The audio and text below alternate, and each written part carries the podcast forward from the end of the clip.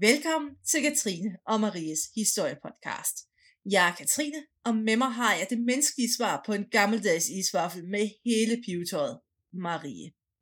Åh, ja, det vil jeg faktisk være. Med Du har ekstra store- kugler og, Store ekstra kugler, smurt ind i flødeskum, mm, og syltetøj. guf over det hele. Det er Og så sådan en knæsen udenpå, og så utrolig bred på top, og så Mm, og, en lille, og en lille chokoladeklump nede i vaflen. Så det er du. Ja, men det Du blev, blev du så ivrig, du hostede. Ja, ja, men jeg fik simpelthen, altså det var rent tanken om den her isvaffel, den gav mig lige en tusse i halsen. Ja. Fedt. Marie, sidst vi to mm. talte sammen, der var vi på en ja. glorværdig sightseeing-tur rundt i Christian 4. København. Oh yeah. Vi snakkede om smukke bygninger. Vi snakkede om arkitektur. Og det er ikke det samme som smukke bygninger. Og store kugler og meget, meget mere. Især de store kugler har virkelig efterladt et stort indtryk hos dig, ved jeg. Sådan at vi faktisk kun blev, at vi blev ved med at snakke om det hele aftenen, efter vi havde optaget det her afsnit. Åh oh, ja. Men vi... Hvad? Åh oh, ja. Ah, ja. Men altså, turen, den, øh, den sluttede uden for Østervold ved Christian 4's lystslot Rosenborg. Og Katrine, jeg, er jo, jeg ligger jo ikke på den lade side, så øh, jeg har undersøgt, hvorfor det hedder Rosenborg. Jeg var en lille smule usikker på det, da vi snakkede om det i sidste uge. Jeg havde kun set sådan nogle lidt halvfærdige hentydninger til det. Men, som jeg også sagde, det har intet med en rosenhave at gøre. Selvom man kunne tro, at det var derfor, det hed det. Man kalder efter sine en stue for en rose. Øh, og en rose, det er en, altså det er en stue, der bruges til formelle, uformelle sammenkomster. Det kan være mellem venner, eller det kan være mellem elskende. Uh. Mm. Der kan være sådan en lille rose malet i loftet, eller den kan være lavet i stuk. Så vidt jeg ved, så hvis man har stukloft, så har mange steder stadig en stukrose i loftet. Der er der, hvor der ofte sidder et lampe øh, ned fra i dag. Øh, men det kalder man for rosen. Øh, og her under den, der taler man subrosa. Og under rosen betyder det. Og det vil sige, at man kan tale frit og privat. Og alt, hvad der bliver sagt subrosa, det er fortroligt. Og det passer jo ret godt sammen med det, som Rosenborg ligesom står for, at det er det her frirum, som øh, kongen har. Øhm, det er hans lille sommerhus, hvor han tager hen med sine venner og sin dejlige kone, og bare rigtig hygger sig, når han sådan ikke lige er konge. Det jeg hører er, at Rosenborg, det er den største mancave i hele Danmark. Ja. Fedt. Det er fuldstændig præcis, hvad det var. Fantastisk. Men tilbage til vores fantastiske byvandring. Og vi befinder os i 1600-tallets København. Og i denne her uge, der skal vi se nærmere på Christians byudvikling. Fordi i løbet af sin regeringstid, der udvider han København, og han forkæler flåden. Han anlægger mm. en ny bydel. Og så får han også lavet en helt ny købstad. Som man jo gør. Som man jo gør, fordi han var jo sådan ambitiøs og storladet. Der var jo ikke noget, han gjorde halvt. Med mindre... Bortset fra krig. Ja, og det han ikke fik bygget. Men, men ud over det. Ud over det. Og så alle de andre ting. Men, Og alle de andre ting. men der var også et realpolitisk motiv bag det her. Fordi at flåden den skulle styrkes. Danmark skulle spille en rolle i den her voksne internationale handel. Og København den skulle omgives af en moderne fæstningsanlæg. Mm. Yes. Og vi har jo allerede snakket lidt om det, men det København, som Christian overtager ved sin kroning i 1596, det er en lille middelalderby. Gaderne de er smalle, og gadenettet er snørklet. Der er faldefærdige bindingsværkshuse med stråtag, som tårner sig op og efterlader de her gader i et evigt tusmørke. Og trods høj børnedødelighed og sygdomsepidemier, så stiger befolkningstallet faktisk i den her periode, også i København. Øhm, så der er rigtig mange mennesker i den her by stuet sammen på meget lidt plads. På torvene, der står de handlende og torvekonerne og råber for at sælge deres varer. Der er teatertrupper, der er gøjler og kvaksalver og spormænd. De fylder også godt op på torvene og sørger for, at der ikke er nogen, der skal kede sig et øjeblik eller gå hjem øh, med penge på lommen, kan man sige. eller, Der er ingen, der skal gå hjem her i byen der er ingen, der skal gå hjem her i byen, og de skal bruge alle deres penge, mens de er ude. På Nytorv, der var vi også i sidste uge, Katrine, der er en folkemængde stemlet sammen, fordi der er en let levende kvinde, som skal have 20 piskeslag ved kagen. Der er en tyv, der skal have hugget sin hånd af, og der er en drukkenbold, der skal sættes i gabestokken. Øh. Ægte lørdagsunderholdning. De kunne alle tre Det- være mig.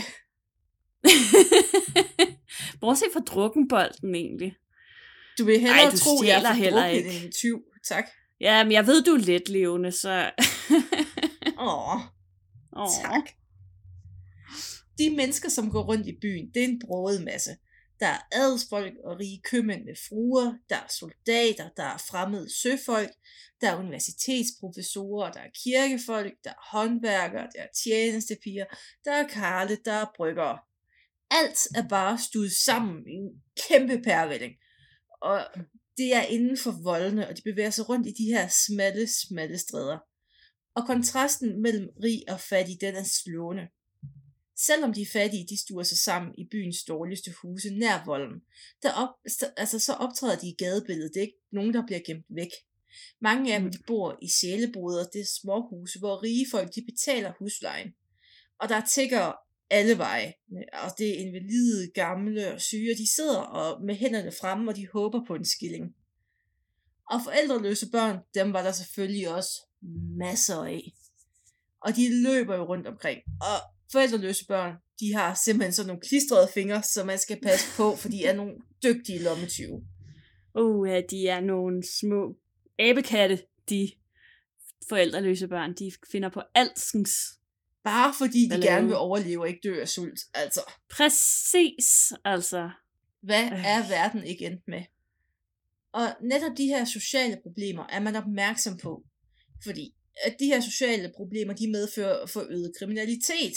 Især så kommer der flere mennesker, og de er fattige, og så, så stiger det der med tyveri og lommetyveri og små børn, der stjæler. Mm. Mm. Og så er der selvfølgelig også tiggerne. Uh, Dem kommer der flere af.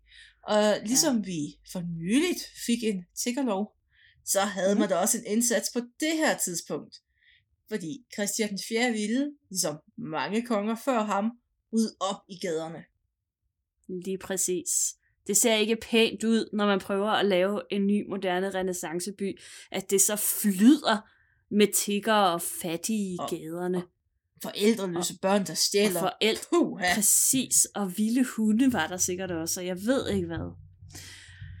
Og det er lige præcis her, at vi starter dagens afsnit, fordi som jeg ligesom havde antydet i sidste uge, så er Katrine selvfølgelig endt i tugthuset.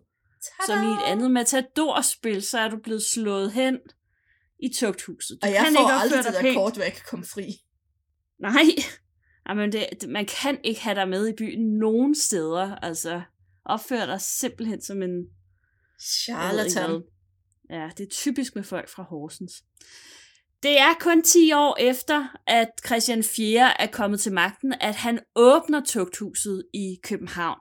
Det er i 1605, og komplekset ligger øh, sådan cirka mellem det nuværende Strøget og Gråbrød og Torv. I dag der har vi Helligåndskirken. Nogle af os kender den som et af de steder, der har byens bedste bogudsalg. Øhm, og selvom og at nogle den af os kender er den meget... slet ikke. Nej. Dit tab. Men selvom den selvfølgelig er meget ældre end, øh, end tugthuset, så var den også en del af det her kompleks, fordi de her folk, der kom i tugthuset, de skulle selvfølgelig også have et sted at gå i kirke. Og den ligger der jo stadig som den eneste eksisterende bygning efter det her kompleks. Det er et af kongens første, men også største byggerier i København. Og ikke nok med det, så er tugthuset også det første af sin art i Skandinavien. Ideen den kommer oprindeligt over fra England, og så øh, kom den til, til øh, Holland, eller Nederlandene, som det hed dengang. Øhm, og alt, hvad Nederlandene gør på det her tidspunkt, det er bare the shit. Altså, du ved. De, dem ser man op til. Det er, det er der, alt det fede, det sker. Øhm, og derfor så skal man selvfølgelig også have et tugthus i København, når de har et i Amsterdam. Og udover Katrine, øh, som øh, måske har fået sin egen celle i tugthuset, øh, så er det egentlig tiltænkt sådan små kriminelle og prostituerede og arbejdsløse. Fordi de er nogle værre nogen, der bare sådan hænger rundt i gaderne og går på værtshus hele dagen. Det er jo nummeret før tiggeri. Jamen det er det virkelig. Og øh, de indsatte, de bliver sat i arbejde, øh, og først og fremmest så handler det om fremstilling af uniformer til herren. Christian 4. han vil meget gerne have en... Øh, øh, være selvforsynende, ja. men han vil gerne være selvforsynende med øh, tekstil, fordi man importerer rigtig meget, og det vil han egentlig helst være fri for, og det kan man egentlig godt forstå, fordi det er sådan en tid, hvor at der er rigtig meget sådan øh, uro og sådan noget. Man kan få forsyningslinjerne, de kan ligesom blive øh, Øh, forstyrret. Så han vil gerne være selvforsynende. Det kommer aldrig rigtigt til at gå. Apropos ting, han ikke rigtig lykkes med. Men det er en anden historie. Øh, men Efterhånden så vokser antallet af forældreløse børn i tugthuset, og i 1620 der opretter man så børnehuset for forældreløse, øh, for forældreløse børn, og det er altså i det samme kompleks. Så kommer det så til at hedde tugt og børnehuset derefter. Og efter få år, så er der stort set ikke nogen voksne tilbage. Der er nærmest kun børn. Øh, det øh, tal, jeg kunne finde, det var noget med fordelingen. Den lå på 15-20 voksne, og så lige 380-750 børn. Det er mange børn. Det, det var er... sådan en hel folkeskole nærmest. Jamen prøv lige at overveje, at der er så mange forældreløse børn i København på det her tidspunkt. Hvad sker der for det? Der er selvfølgelig mange prostituerede, de får muligvis nogle børn, som de ikke vil have, og så videre, men, men altså stadigvæk, det er del med mange børn. Det er rigtig mange. Nå, men der var jo altså sådan et eller andet pædagogisk sigte i det her. Det var jo sådan set ikke ment som et fængsel for de her forældreløse børn. Og alligevel så var forholdene mm, ikke helt så gode. Der var pladsmangel, øhm, og der var også rigtig mange af børnene, som dør af sygdom mens de er i øh, tugt- og børnehuset. Til gengæld, så får børnene faktisk en slags boglig uddannelse. De skal faktisk deltage i noget undervisning, og så øh, er det også en del af det at være i børnehuset, at man kommer i lære. Og det er sådan set både drenge og piger, der kommer i lære. Øh, det kan være som skrædder, det kan være som syrsker, skomager, gaver eller spinnere. Spinnersker hedder det? Spin. Spinsker. Jeg siger det som en fra Horsens. Spinner. øhm, og det er jo meget godt. Det kan man jo ikke sige andet, end at der er, ligesom, der er jo en eller anden form for social øhm, vilje her til at, at styrke de her børns øh, fremtid.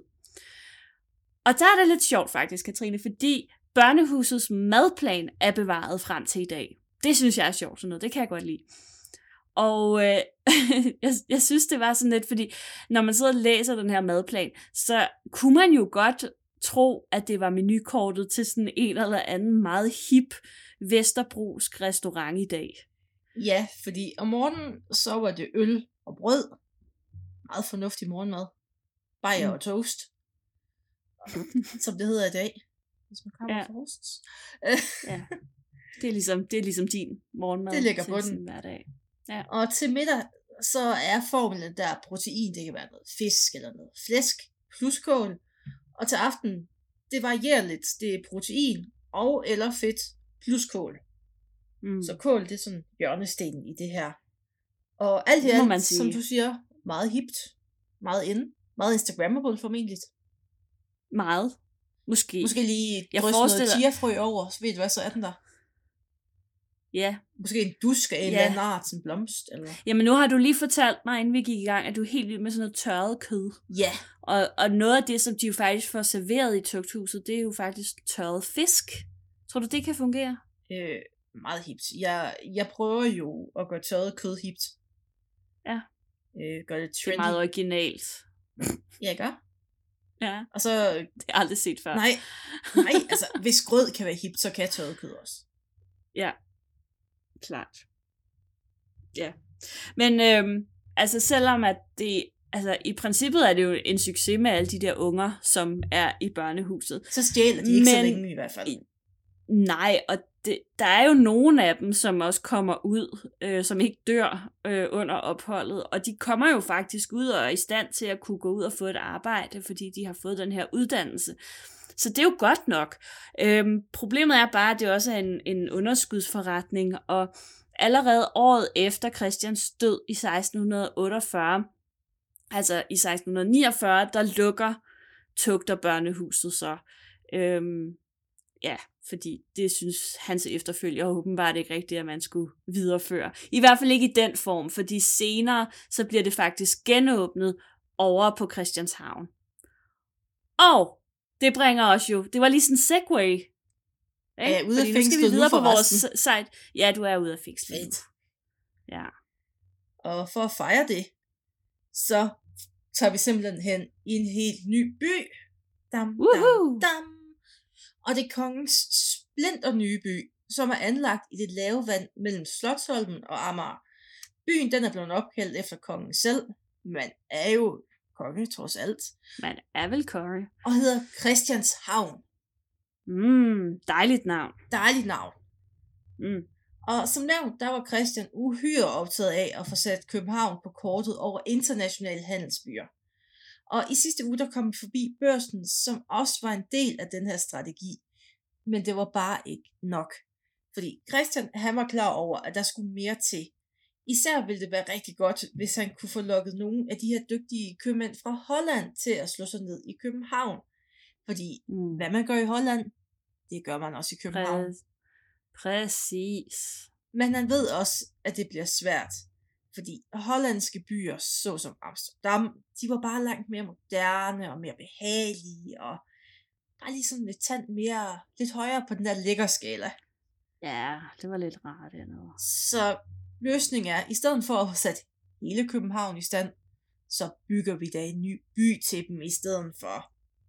Man gør bare ikke noget halvt, Nej. når man er Christian 4. Det gør man nemlig altså, ikke, medmindre det er krig eller andre ting. Men ja, øhm, og det, altså, det er en ambitiøs plan, og det er lige, altså, det er typisk Christian, det her. Øhm, I 1618, der bliver Christianshavn grundlagt. Den er opbygget i hollandsk stil. Øh, der er jo en Igen skal man måske sige det der med, at det måske er meget godt lige at have et kort ved hånden, så man lige kan følge med, når vi siger det her. Men der er jo sådan en kanal, der løber tværs igennem Christianshavn, og, øh, og på hver side af kanalen, så går der altså sådan et, et øh, gadenet ud med øh, sådan ikke særlig brede, ret smalle grunde, til gengæld er de ret dybe, præcis ligesom i Holland, så man har ligesom en smal facade ud mod gaden, og til gengæld så kan huset gå ret langt ned i dybden, når man har nogle ret store grunde. Så der er god plads til de store købmandsgårde. Og Christianshavn er bygget som en vaskeægte idealby. Den er bygget ud fra renaissancens arkitektoniske principper. Og altså, det må virkelig have været sådan noget, hvor han bare har siddet der og åh, han er blevet helt høj sammen med arkitekten, der har tegnet den her, fordi åh, vi kan bare, vi kan det hele det herovre. eneste Christian han har siddet og sagt, det er, hvor kan jeg placere kuglerne? Det er jo hans trademark. og hvor er min rytterstatue? Ja. Ja.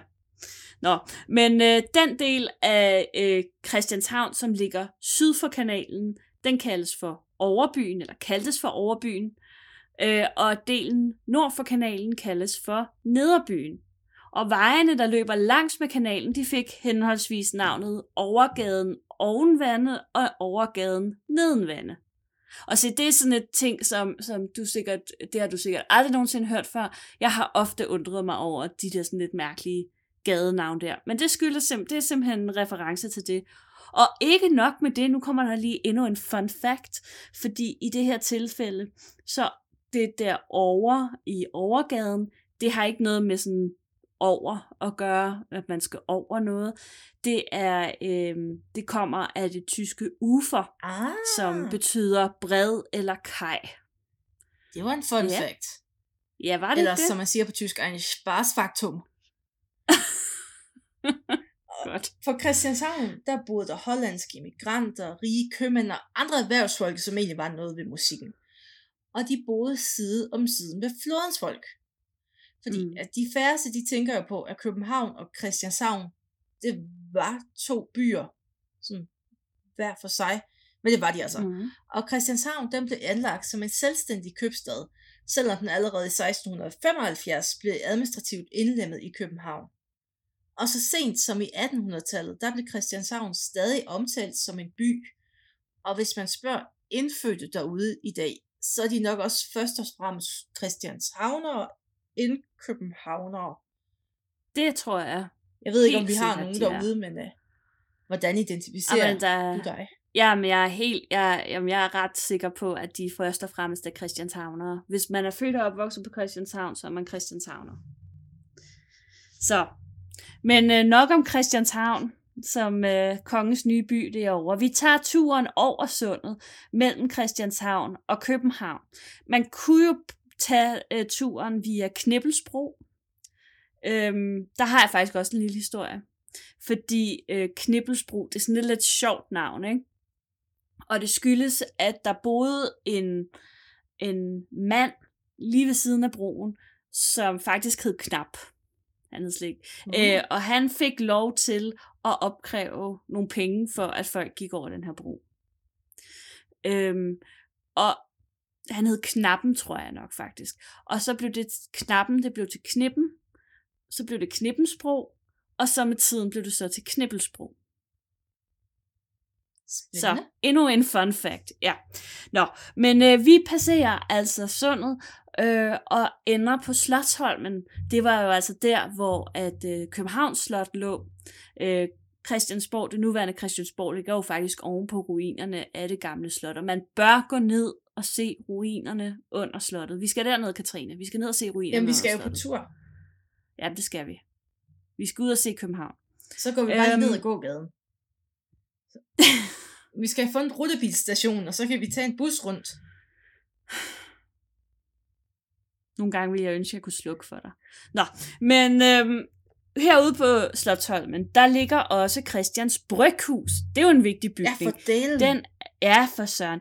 I 1618, der er bryghuset flyttet ind i en gammel bastion, som er blevet overflødig efter Christianshavn er blevet bygget. Fordi rundt om Christianshavn har man også ligesom anlagt noget forsvarsværk, så derfor er der ikke rigtig grund til ligesom at have for meget forsvarsværk inde på Slottholmen. Men det er en anden bygning, som vi lige skal se på, som også ligger herude på Slottholmen, og det er tøjhuset. Og det er også igen, det er også en dejligt mærkeligt ord, ikke? Øh, tøjhuset, det er en del af et meget stort kompleks, som står færdigbygget i 1604. Det har ikke noget med tøj at gøre, selvom man meget nemt kunne tro det. Øh, et tøj er et våbenkammer. Og udover våben, så ligger der også et øh, provianthus med et bageri, og så er der selvfølgelig også bryghuset, øh, og de er alt sammen det her. Det er en del af det her kæmpe kompleks. Jeg føler, vi er nødt til at indskyde et eller andet nu. Bare fordi jeg ser jo tit hammerslag. Ja, Og der snakker man jo tit om, at man skal bo ved vandet, og det er der, det er dyrest og lækrest. Men sådan var det ikke mm-hmm. way back when. nej. Nej, det var der, hvor man puttede industri og våben og andre ting. Ja, Man havde ikke Ja. lyst til at bo på havnen, for det var beskidt, og der lugtede, og alt var bare galt. og det larmede, og der var utrolig mange mennesker. Og ja, og let levende damer, og Værtshuse. Forestil jer Nyhavn i virkeligheden. fra dengang en Nyhavn var en Nyhavn, og ikke bare en turistfælde. Ja, og ikke bare en turistfælde. Ja. Men altså, antallet af mennesker er nok nogenlunde det samme. Ja, og promillen er nok også cirka det samme. Og, Ja, priserne på værtshusene. Og... ja. og damerne. det var nok. Og damerne. så, Men det var bare, det var bare lige en flere skibe indskudt i havnen. sætning, inden ja, folk men det er så fint, fordi det, det er fuldstændig rigtigt. Altså, det var på ingen måde eksklusivt at bo Tværtimod. der ved, ved vandet. Ja. Og flådens skibe, de kan sejle direkte ind i krigshavnen. Og krigshavnen, den ligger der, hvor den nuværende have bag om det gamle, eller det gamle kongelige bibliotek ligger. Og her, Den skal vi også ind og se. ej, hvor er vi heldige. Og her kunne mm. de her skibe blive udrustet med alt det, de havde brug for. Og havnebassinet, det lå midt i det store kompleks og var omkring 4 meter dybt. Og som alt andet, så går Christian virkelig ikke ned på ambitionerne her. På en rejse i 1597, der har han set Nordeuropas største tøjhusanlæg. Og det ligger i Dresden, og han har bare tænkt, åh, sådan en må jeg også have. Den skal bare være Ja. endnu større. Det var sådan, jeg forestiller mig, hvis jeg nu boede inde i Christians 4. hoved, Ja. så var der en meget stor portion, altså portion der tænkte sådan i bygning, og Ja. hvordan kan jeg gøre det større og bedre end alle andres, og så var der nok også ja. en del sådan, med heksejagt og sådan noget, men Ja. byggeting var nok Og størst. noget med krig. Åh, masser af krig. Masser af krig. Og året efter, der begynder opførelsen af den her bygning, som med sine 1.700 kvadratmeter ikke bare var det største i København, men formentlig den største af sin art i hele verden. Igen, man skal aldrig gå ned på ambitionerne. Han, har, han, han er sgu en vild bygmester, det må man give ham altså. Han, han går virkelig ikke ned på størrelser og den slags. Hans ambitioner fejler ingenting. Og når vi nu har set tøjhuset, så fortsætter vi byvandringen over Holmens Bro, altså væk fra Slotsholmen, og over på det, som hedder Bremerholm.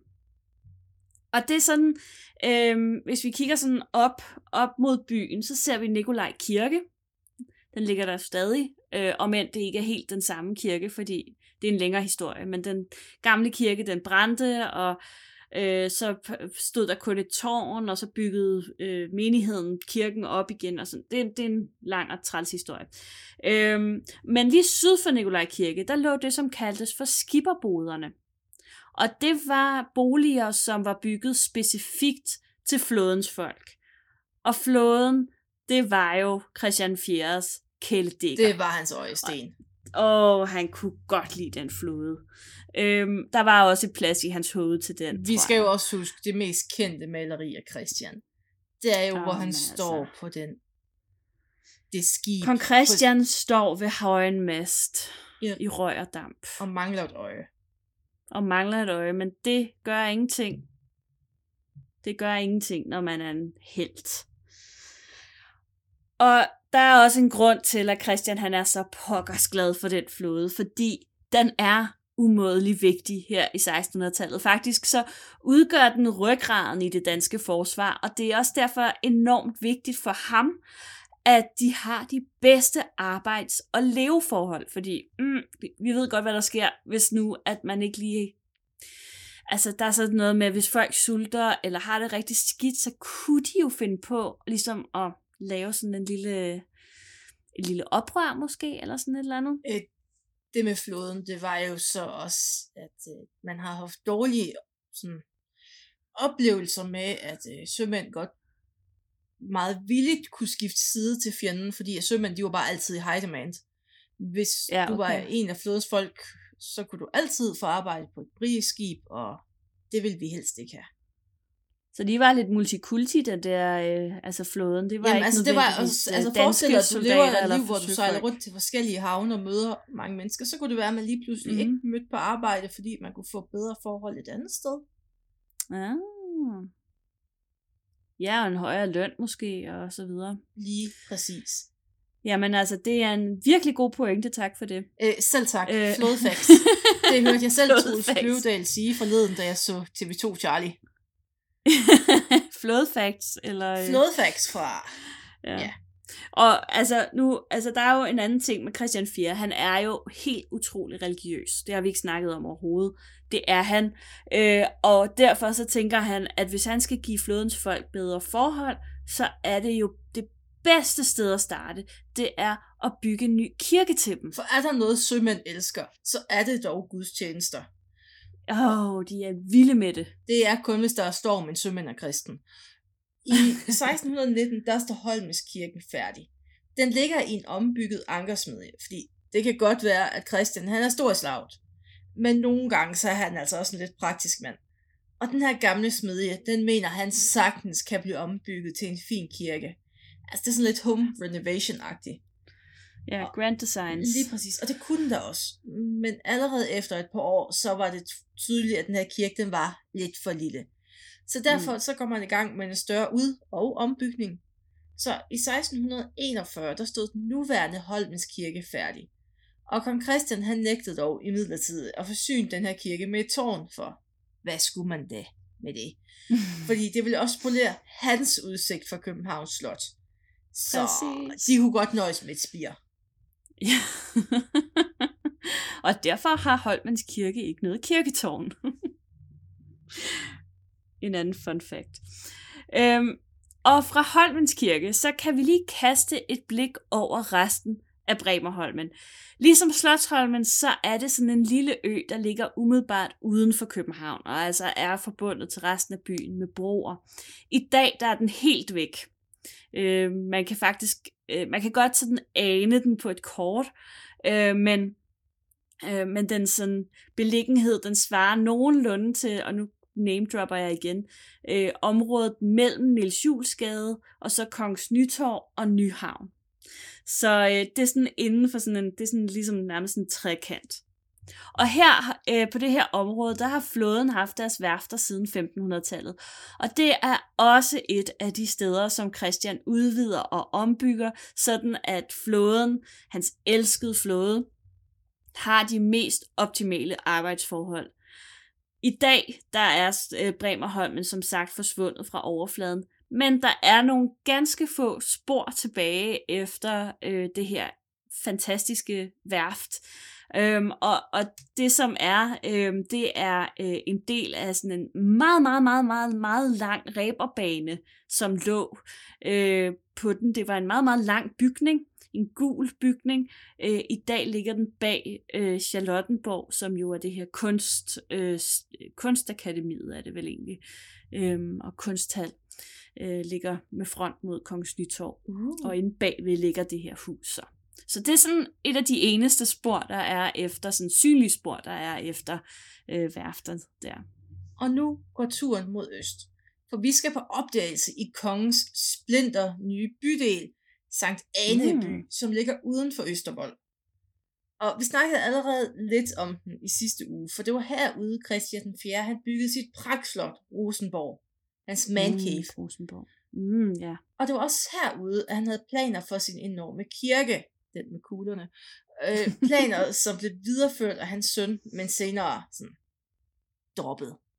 Det var nok lidt for ambitiøst. Der var ikke rigtig penge til det. Nej, fordi sønnen han arvede jo heller ikke det vildeste overskud i kassen. Det kan man ikke lige sige, nej. Og modsat Christianshavn, der var Sankt Aneby som den oprindelighed ikke planlagt fra starten den voksede sådan spontant frem i løbet af Christians regeringstid. Og ikke mindst efter han havde opført Rosenborg, fordi så var der ligesom en business rundt om. Og... Mm. Det er jo det. Og i 1620'erne, der begynder man at lave egentlige byudviklingsplaner for det her område. Christian han vil jo gerne omdanne København til den her moderne og driftige handelsby med forbillede i Amsterdam, og derfor så skal den her nye bydel opdeles, ligesom Christianshavn, i store grundstykker, og så skal der bare bygges en masse store købmandsgård, som man så håber, der er nogen, der ligesom vil flytte ind i.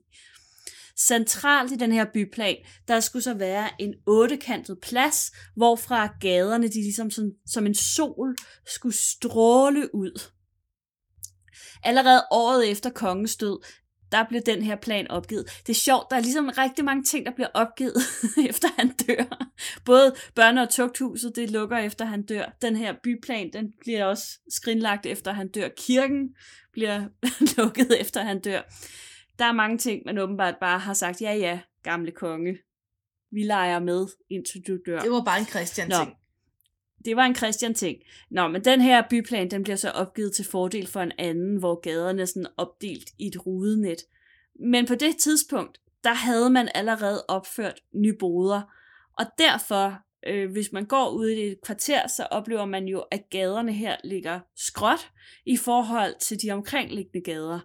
Øhm, og det er simpelthen fordi, det er et levn efter den her gamle Christian 4. byplan, hvor gaderne strålede ud fra en ottekantet plads. Og lad os lige dvæle lidt ved Nyboder.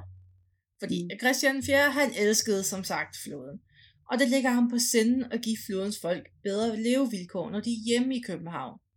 Og husene i København, de var gamle, og de var faldefærdige, og byen, den var bare yeah, sådan uhumsk. Mm. Og med Christians egne ord, og nu lyder jeg overhovedet ikke som ham, der findes en stor uskikkelighed med skidende og urene gader, af den årsag, at borgerne ud, udfører uhømsk og skarn for deres gårde, og lader og lader det ligge på gader og stræder. Så han siger egentlig, I er ret klamme. Ja, oversat til det. nutidens dansk. Mm. Og det her, det slipper flådens folk og deres familier nu for, fordi i 18, eller 1631, der kunne de flytte ind i et splinter nyt byggeri i den nye bydel uden for Østervold. Ja, og de her nye boder, det er jo sådan en rækkehusbebyggelse bestående af etetages boliger med haver og gårde, og imellem de her længer, der ligger der 13 meter brede lige gader, og det er jo enormt i forhold til middelalderbyens smalle stræder. I alt så bliver der opført omkring 200 boliger, og de bliver opført, eller de bliver opført på en størrelse af hver sådan cirka 40 kvadratmeter, så altså rimelig småt efter nutidens standarder. Jeg bor på men, mindre end det. Ja, men du er også kun én person. Jeg kunne da sagtens have en familie på otte herinde. Du bor i en etværelseslejlighed. Nå ja. Jeg har da også jeg. min lille gang. Jo, det er rigtigt. Øhm, og de her lejligheder i Nyboder, de består af en stue, et kammer, en forstue, og så et køkken, som øh, er fælles med nabolejligheden. Det er jo dejligt med sådan en fælles køkken. Meget moderne. Og ja, selvom at, at vi i dag synes, at det her, det, det er, især når man tænker på 40 kvadratmeter, der ligesom er delt op på så mange rum, øhm, det er lidt vel småt. Men dengang, der var Nyboder langt over den gængse standard for boliger i København. Og da Nyboder blev opført i de nationale farver, altså i rød og hvid, og den der mm. okkergul, selv jeg ved, hvad Nyboder er, og den her okkergule farve med røde tage, som vi kender i dag, det kom først til langt senere. Og Nyboder, mm. det var så, altså, det blev ikke rigtig vedligeholdt efter det var blevet bygget. Og i 1850'erne, der rev man størstedelen af Christian 4. bygninger ned, og erstattede dem med bygninger i to etager. Og i dag, der er der faktisk kun én enkelt længe tilbage, nemlig St. Pauls gade 20-40. Shout out til jer.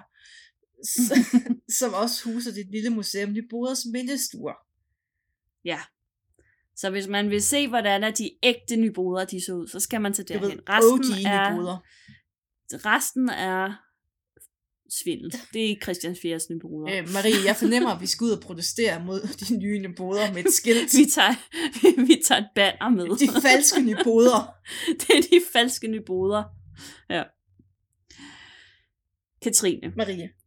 Kong Christian, han havde en evig hovedpine. Og jeg ved, du deler den med ham. Det er Sverige. Jo. Ja. Forholdet mellem Danmark og vores nabo mod øst var og er nej, måske ikke så meget længere, øh, konstant anstrengt.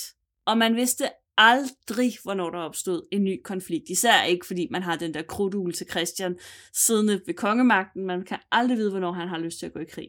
Med svensken, og der Christian, skal man altid have lyst til at gå i krig. Ja, men man skal altid være på, på, på stikkerne, når det handler om dem. Christian, han må jo selvfølgelig tænke på rigets forsvar. Han er jo trods alt konge. Og en ting er at forbedre forholdene for flåden, men der må også et moderne fæstningsværk til. Og i 1626, der begynder man at bygge kastellet, eller Sankt Anne Skanse, som det hedder på det her tidspunkt. Og kastellet, det er den absolut sidste forsvarsbastion, hvis fjenden angriber København. Det skal både styrke forsvaret af byen mod nord og beskytte indsejlingen til havnen og dermed flåden meget vigtigt, hjertebarnet. Mm. og selvfølgelig skabe en sidste forsvarsposition, hvis fjenden er trukket ind i København. Mm. Og Christian han påtænker faktisk at bygge et lille slot inde på kastellet, så kongefamilien de kan være ekstra beskyttet. Men projektet det bliver opgivet på grund af pengemangel. Sagde de til ham. Sagde de. Nej, det er ikke. Christian, stop nu. Stop. Ikke flere slotte, Christian. Du har nok. Ikke mere. Du skal være færdig med ja. at lege med det, du har, inden du får et nyt. Og, men altså, man kan sige, at dronningen har jo teknisk set også en bunker, hvis der kommer atomkrig i dag, så han var der bare. Jo, jo. Klar. Han tænkte bare fremad. Ja. Og desværre der når byggeriet jo heller ikke at blive færdig, før kongen dør i 1648. Og så ved vi ligesom godt, hvad der plejer at ske med ting. Og det bliver jo også hans søn, Frederik den 3., som overtager chancen og får bygget kastellet færdigt. Og der kommer ikke ja. noget slot. Der kommer ikke noget slot, og der er ikke noget slot. Skal vi bygge et slot der? Inde på kastellet? Ja, det gør så vi. Så helt begynder at bygge et slot. Vi tager nogle mursten med, og så begynder vi at bygge et og slot lidt... til Christian 4's ære. Ja, Christian 4's bastion. Ja. Med et spir. Ja. Og kugler. Ej, tårn. Han kunne godt lide tårne. Ja, og store kugler. Jeg tænker bare et stort tårn, tårn og to kugler til hans ære. Ja, det kan godt være, det er sådan, vi skal gøre det. Ja, vi tager lige et lille, et lille epilog, tror jeg, vi kan kalde det her. Fordi Christian 4. han dør den 28. februar 1648 på Rosenborg Slot, hans yndlingssted i hele verden. Øh, faktisk øh, har han ellers opholdt sig oppe på Frederiksborg Slot i Hillerød, men han øh, forlanger at blive transporteret til Rosenborg, da han ligesom føler, at øh, tiden er ved at rende ud. Og han, jeg tror kun, der går en lille uge eller sådan noget, fra han ankommer til Rosenborg, til han dør. Han er 70 år gammel, og, øh, dør med symptomerne på en mavelidelse. Det er jo altid meget svært ligesom at finde ud af, hvad er det egentlig folk dør af i gamle dage, fordi hvad, hvad er det for nogle symptomer, de beskriver, og nogle gange... Og nogle gange, når det er især royale mennesker, så får man ikke den fulde beskrivelse, fordi hvis det er ydmygende for regenten, Lige præcis. Der er åbenbart skrevet en bog, og jeg har ikke kunne finde den øh, tids nok til, at, øh, at jeg kunne have den med her. Men jeg fandt en anmeldelse af den, hvor det ligesom var gengivet noget af det. Øhm, og det er en bog, der er skrevet af en retsmediciner og Maria Helleberg, som handler om, hvad konger døde af i gamle dage, hvor de ligesom så har gået igennem kilderne og kigger på, hvad er det, man så beskriver, og så kommer den her retsmediciner så med sin vurdering ud altså, fra jeg havde øh, jo hans... en øh, underviser på et studie, kom med en fantastisk tommelfingerregel. Indtil ja. vi fik et arvekongedømme, så blev de dræbt, og da vi fik et arvekongedømme, så var det livsstilssygdomme. Ja, det er en utrolig det er ikke meget galt. tommelfingerregel. Ja, det, det er nok ikke meget galt. Øhm, og det er også meget muligt, at Christian Fjers død årsag, dødsårsag, har noget at gøre med hans øh, kolossale alkoholforbrug. Han var meget, meget, meget glad for vin. Øh, det har vi diskuteret før. Er en, en, en, det, det har vi til fælles, ham og jeg. Øh, men jeg drikker ikke helt lige så meget som ham. Siger du? Uanset hvad Katrine siger. Øh, he, gennem hele sit liv, nærmest siden han er dreng, der drikker han hæftigt og han deltager i nogle voldsomme drukgilder, øh, og især på Rosenborg er de berygtede, de her drukgilder. Der, så vidt jeg husker, er der faktisk øh, en af hans, jeg kan ikke huske, om det er en søster, eller om det er en af hans støtre, øh, hvis øh, forlovet dør på Rosenborg, fordi at han i simpelthen i fuldskab falder ud af et vindue, eller falder ud over broen, og ned i voldgraven, øh, fordi han står og pisser ned i, i voldgraven. Som mænd jo gør, og åbenbart Det er derfor, også mænd dør gang, yngre end kvinder. Det er det, fordi, de skal jamen stå det, op og altså, tisse, når de er fulde. Det sker jo den dag i dag, at folk, når vi har julefrokostsæson, at der så dør der jo en håndfuld unge mænd, fordi de falder i havnen eller i kanalerne, eller sådan noget. Det er skrækkeligt, men det foregik altså allerede i 1600-tallet. Nå, men øh, dertil kom, øh, at øh, Christian 4 var også rigtig glad for mad. Endnu en ting, vi har til fælles. Og øh, han var blevet temmelig tyk på sine en statlig herre. En statlig herre. Øh, og i 1644, der var han allerede rimelig dårlig faktisk. Han fik flere overladninger og et afføringsmiddel. Det er jo øh, løsningen på alt.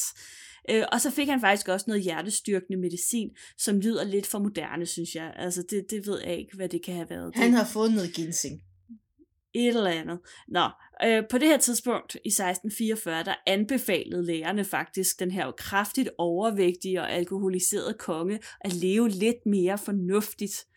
Men øh, det var åbenbart ikke et livsstilsråd, han, øh, han tog imod. Nej, og han dør jo formentlig også af det, man i dag i moderne tid vil kalde en livsstilssygdom. Og det er ifølge en moderne læge, der har undersøgt kongens symptomer.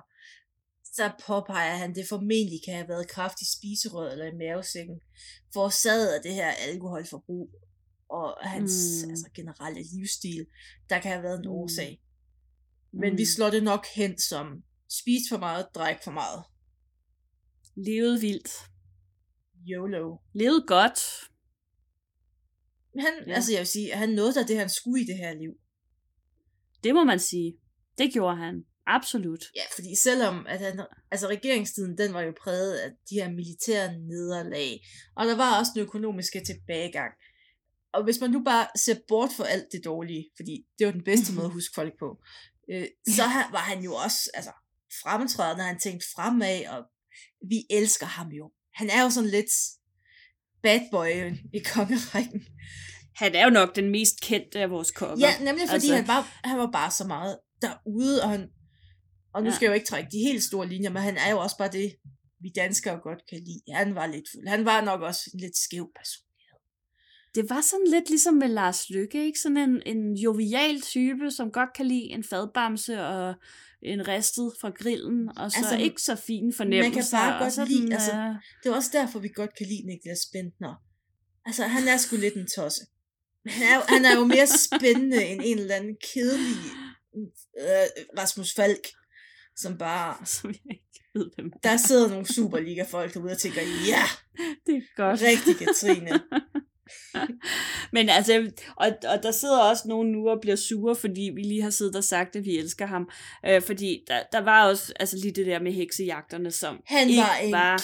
altså han har været en af de største monstre i europæisk heksejagtshistorie. Ja, altså ja. 16-17-forordning er det det vildeste, nogen nogensinde har skrevet. Altså jeg kan jo ja. have et helt afsnit om det, hvis det skal være. Fordi det er jo ja, det synes jeg, så vildt. Det synes jeg, vi skulle. Og jeg synes jo også, det er så paradoxalt. Han, han var jo så frelst og så glad for Gud. Og så var han ja. også så fuld og vild. Jamen, og, og, altså, og hele hans kærlighedsliv er jo også bare altså det, det mest stormfulde ægteskab ever Jamen, med Kirsten Munk. Og hvem kan stå hvor, for en mand med klap for øjet i øvrigt? Ikke mig. Nej, det er jo det. Og han fik 23 børn, Katrine. Med to kvinder. Ah, måske tre. Af dem, vi har talt, der er der sikkert... Ja, dem, der er officielle i hvert fald, ikke? Jamen, han, ja. han var vild. Og så har han bare vundet op med tømmermænd og sagt, vi skal skulle have et slot der. Vi skal, Hvad med? vi skal bygge en by i dag. Ja. Det er det, vi skal. Har fået og en eller anden alkoholvision. Ikke, Jeg tror, han har haft sådan... Kan vi ikke bare slappe lidt af i dag, Christian? Nej! Han har haft sådan vi en lille... skal bygge en by, Jamen, han har haft sådan og det skal være lige nu. Og så når han kom fuld ja. hjem, lige før han er faldet ja. om i sengen, så har han skrevet, ny bydel i vandet. Lol hollænder. og så har han vågnet op næste dag, og så, så har han bygget Christianshavn. Fordi han har tænkt, det var sgu sikkert klogt. Og han skrevet sådan, store kugler, flis. Så han vågner og tænkte, vi skal fandme have nogle store kugler på det Han er sådan i fuldskab prøvet at tegne det er det, vi skal. en tissemand, og så har han ikke fået tegnet det hele, og så byggede han rundetårn i stedet. Altså, det er sådan noget, vi er ude i, tænker jeg. Men det er så genialt. det Ja, det er simpelthen, han var, det var, det var, det er sådan, det er. Og hvis det ikke var, så er det sådan nu. Det er vores bud på historien. In your face, Hellebjerg. Og med ja, de ord. Og tak fordi I lyttede med.